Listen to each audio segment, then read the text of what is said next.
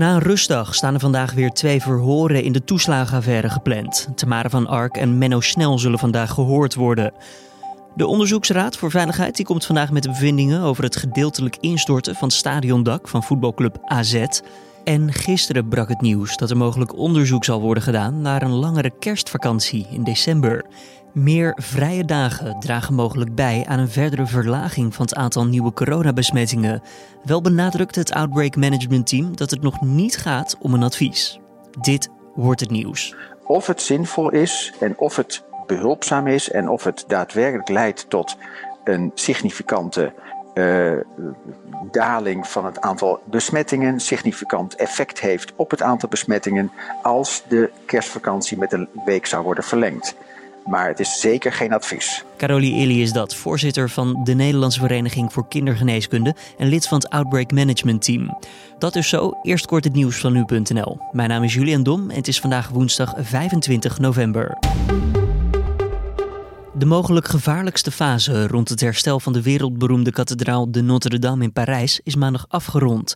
Het gaat om het verwijderen van 200.000 kilo van aan elkaar gesmolten stijgers. Het vastsmelten kon gebeuren door de brand in 2019 en dat bemoeilijkte het weghalen enorm. Het weghalen van de stijgers zou in eerste instantie al halverwege maart begonnen zijn, maar door de coronacrisis werd dat verlaat. Een kleine groep van enkele tientallen agrarische bedrijven rond de beschermde natuurgebieden stoot onevenredig veel stikstof uit, waardoor weg- en woningbouw in die regio stil ligt. Dat blijkt woensdag uit de publicatie van Platform voor Onderzoeksjournalistiek Investico voor de Groene Amsterdammer en Trouw.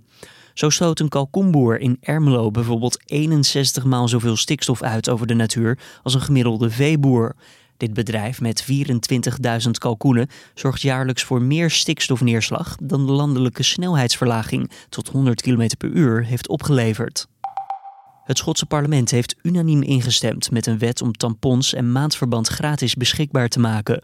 De maatregel is nodig vanwege ongesteldheidsarmoede, waarbij vrouwen en meisjes door geldgebrek niet kunnen beschikken over deze basale hygiënemiddelen. Zo'n 10% van de mensen die menstrueren in Groot-Brittannië heeft geen geld voor deze producten. Dat werd in 2017 duidelijk middels een landelijke enquête. In totaal kost de maatregel de belastingbetaler jaarlijks ongeveer 27 miljoen euro. Een automobilist is dinsdagavond doorgereden na een dodelijke aanrijding in de Gelderse plaats Wijgen. Daarbij kwam een 42-jarige voetganger uit diezelfde plaats om het leven. De vermeende bestuurder is later op de avond als verdachte aangehouden in het nabijgelegen Beuningen, al dus de politie. De politie doet ondertussen verder onderzoek naar de aanleiding en het motief van de aanrijding. Inwoners van het Verenigd Koninkrijk mogen van 23 tot en met 27 december met in totaal drie huishoudens samenkomen vanwege kerstmis.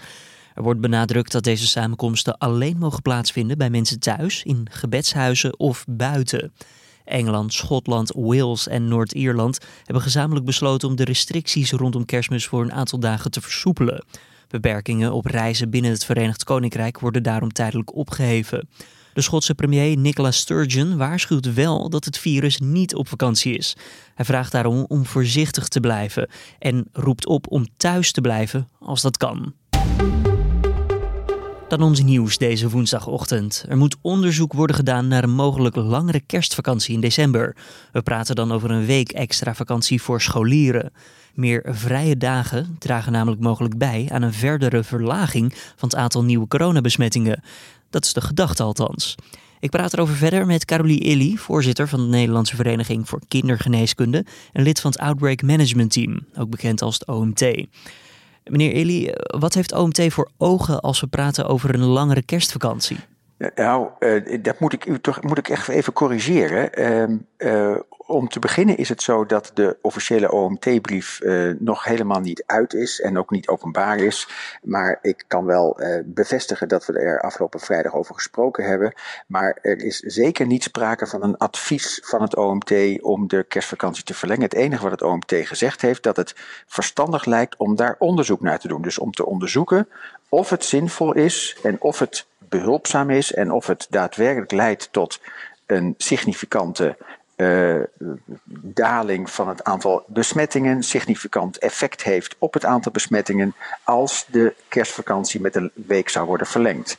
Maar het is zeker geen advies. We zitten momenteel in eind november. Wat voor onderzoek zou dat dan moeten zijn? Want ja, voor je het weet is het al kerstvakantie. Ja, ja maar goed, dat, er zijn een heleboel slimme mensen uh, op het ministerie en bij het RIVM die daar onderzoek naar zouden kunnen doen. En dat, dat zijn zogenaamde, zogenaamde modelleringsstudies. Uh, en dan wordt er een, een, bepaald model wordt uitgewerkt. En in dat model zou dit dus goed kunnen worden meegenomen. Maar uh, dat is het enige wat het OMT heeft geadviseerd. Onderzoek doen naar het effect van een week verlenging van de kerstvakantie. En het effect, dan hebben we het dus vooral over het effect van de van, op de verspreiding van het virus, niet zozeer op de effecten op scholieren. Nee, nee, verspreiding van het virus en of dat een significant effect heeft.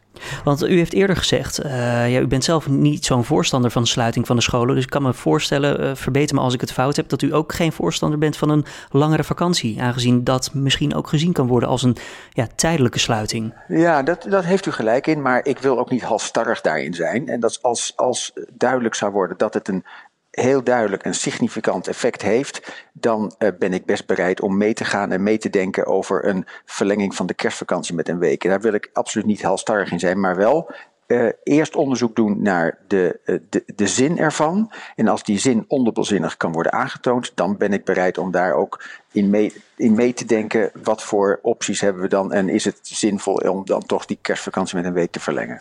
Heeft u het idee dat het OMT uh, nog altijd op dezelfde manier gehoord wordt door het kabinet als aan het begin van de crisis? Dat idee heb ik eerlijk gezegd wel, zeker. Ja, ik, het is nog altijd zo dat, dat, het, dat de de overheid uh, de, uh, iedere week uh, om advies vraagt aan het OMT. Het OMT daar iedere week zich over buigt en iedere week het OMT de overheid een antwoord geeft op de vragen. En ik heb geen signalen dat de overheid minder oog heeft voor de antwoorden van het OMT dan voorheen. Ja, ik vraag het vooral omdat uh, ja, her en der er toch steeds vaker blijkelijk scheurtjes zichtbaar worden binnen de politiek. Er lekt her en der iets. En ja, de vraag is dan ook van het advies van het OMT. Dat wordt natuurlijk als één naar buiten gebracht tegenover het kabinet. Ja, in hoeverre wordt dat dan ook nog één op één overgenomen? Zonder, nou, zonder vragen te stellen lijkt me niet. Maar ja, worden jullie nog even serieus genomen dus als toen? U zegt van wel. Ja, kijk, het, het, is, het is echt zo dat het OMT geeft alleen maar een advies. Hè? Het, is, het, is, uh, het is een advies wat, wat wij aan de overheid geven. En de overheid besluit uiteindelijk. En de overheid neemt andere overwegingen mee. Wij zijn een medisch-wetenschappelijk OMT en op, op medisch-wetenschappelijke gronden geven wij een advies aan de overheid. En uiteindelijk doet de overheid daarmee wat het wil. Om, om een mooi voorbeeld te geven, um, helemaal in het begin van deze, deze corona-ellende uh, was het ook niet het advies van het OMT om uh, half maart de scholen te sluiten. Dat is echt een advies, dat is echt een besluit geweest van de politiek. Dus ook zelfs helemaal in het begin was het ook niet zo dat, dat de overheid uh, alles overnam van het OMT. Integendeel, de overheid neemt af en toe zelf een besluit. En dat is ook uit, uiteindelijk uitstekend, want dat is ook de rol van de overheid. De OMT geeft een advies op basis van medisch-wetenschappelijke gronden. Als we dan eventjes naar uw specialisme gaan. U bent voorzitter van de Nederlandse Vereniging voor Kindergeneeskunde. U bent zelf ook kinderarts. Ja. Um, we hebben het eerder gehad in deze podcast en sowieso mensen hebben het kunnen lezen in de media over het sociaal isolement uh, voor kinderen, waar kans op is als zij voor langere tijd niet naar school gaan. Is daar inmiddels meer over duidelijk? Hoe staan we ervoor momenteel? Ja, daar, is, daar, daar wordt steeds meer over duidelijk en het wordt steeds, er is steeds duidelijker aangetoond dat, uh, dat uh, veel kinderen daar uh, veel last van hebben gehad, maar ook van houden. en daar echt schade van ondervonden hebben. En dan heb ik het enerzijds over de, de mentale schade, hè, als gevolg van het sociale isolement, het, het, het niet, niet contact kunnen, op, kunnen onderhouden, um, het. Uh, het niet kunnen experimenteren, uh, ontdekken, het identiteit opbouwen, wat je juist doet, zeker in die, in die fase van de puberteit en, uh, en de jongvolwassenheid. Maar ik heb het eerlijk gezegd ook over schade die we zien ehm, als gevolg van het, het verminderd bewegen uh, het, het meer achter een beeldscherm zitten, het ongezonder eten. Het is aangetoond door onder andere uh, mijn collega Vreugdenheel uit Maastricht, dat, uh, dat er meer kinderen overgewicht hebben ontwikkeld. en de kinderen die al obesitas hadden, daar is de obesitas ook toegenomen. Dus het is, het is ook echt, echt naast mentale schade ook, ook lichamelijke schade als gevolg van alle maatregelen die we met z'n allen nemen. Um, en in, in een aantal gevallen zijn die maatregelen heel verstandig. En daar, sluit ik ook, daar, daar ben ik ook heel erg voor. Uh, maar ik, tegelijkertijd wil ik uh, heel erg ook pleiten voor um, uh, het aandacht hebben voor het welzijn van eh, tieners en jongvolwassenen, omdat die naar mijn idee heel erg geraakt worden door alle maatregelen die we nemen. En die lichamelijke schade, ligt het dan uh, zozeer aan het gebrek aan uh, het vak lichamelijke opvoeding en ja, misschien niet meer het naar school fietsen of naar school lopen? Of zit het hem ook ergens anders in? Nou, ook sporten. Ik, bedoel, er zijn, er zijn al, alle competities zijn stilgelegd. Er zijn nog wel wat trainingen, maar alle competities zijn stilgelegd. Veel binnensporten zijn stilgelegd. Um, het, er, er wordt gewoon minder bewogen. Er wordt gewoon minder gesport.